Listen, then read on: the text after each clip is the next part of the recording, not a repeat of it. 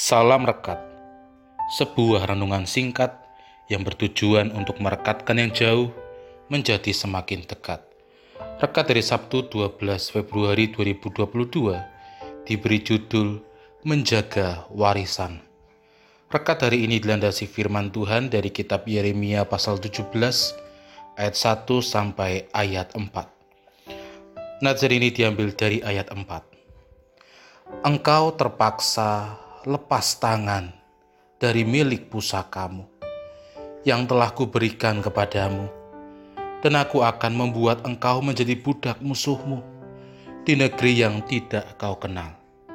Sebab di dalam murkaku, api telah mencetus yang akan menyala untuk selama-lamanya.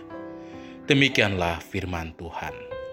Saudara yang terkasih di dalam Tuhan, Warisan dalam Kamus Besar Bahasa Indonesia diartikan sesuatu yang diwariskan, seperti harta, nama baik, dan juga harta pusaka. Itu berarti warisan itu merupakan sesuatu hal yang sangat berharga, karena saking berharganya, warisan itu harus dijaga dengan baik namun, dalam firman Tuhan saat ini justru menceritakan sebaliknya, di mana bangsa Yehuda yang seharusnya lebih beruntung karena mereka telah mendapatkan milik pusaka Allah. Namun, justru mereka tidak menjaga haknya sebagai pewaris pusaka Allah itu dengan baik. Mereka justru mendukakan hati Tuhan dengan cara menyembah Allah lain dan justru berbalik untuk melawan Tuhan. Apa boleh buat, Tuhan terpaksa melepas hak itu atas Yehuda. Bahkan lebih dari itu, Tuhan pun akan menjadikan Yehuda kembali menjadi budak. Saudara yang terkasih di dalam Tuhan, melalui firman Tuhan saat ini kita dapat belajar bahwa pada dasarnya Tuhan telah mengangkat kita sebagai milik pusakanya.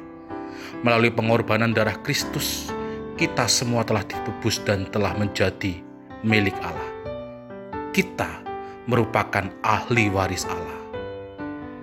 Tentu, anugerah itu kita harus jaga dengan baik.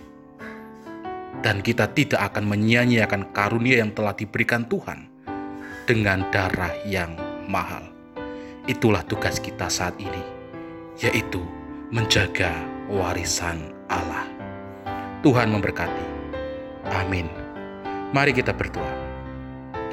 Kami bertekad untuk menjaga warisan yang sangat berharga, yaitu pengorbanan Tuhan Yesus yang telah menebus dosa kami. Amin.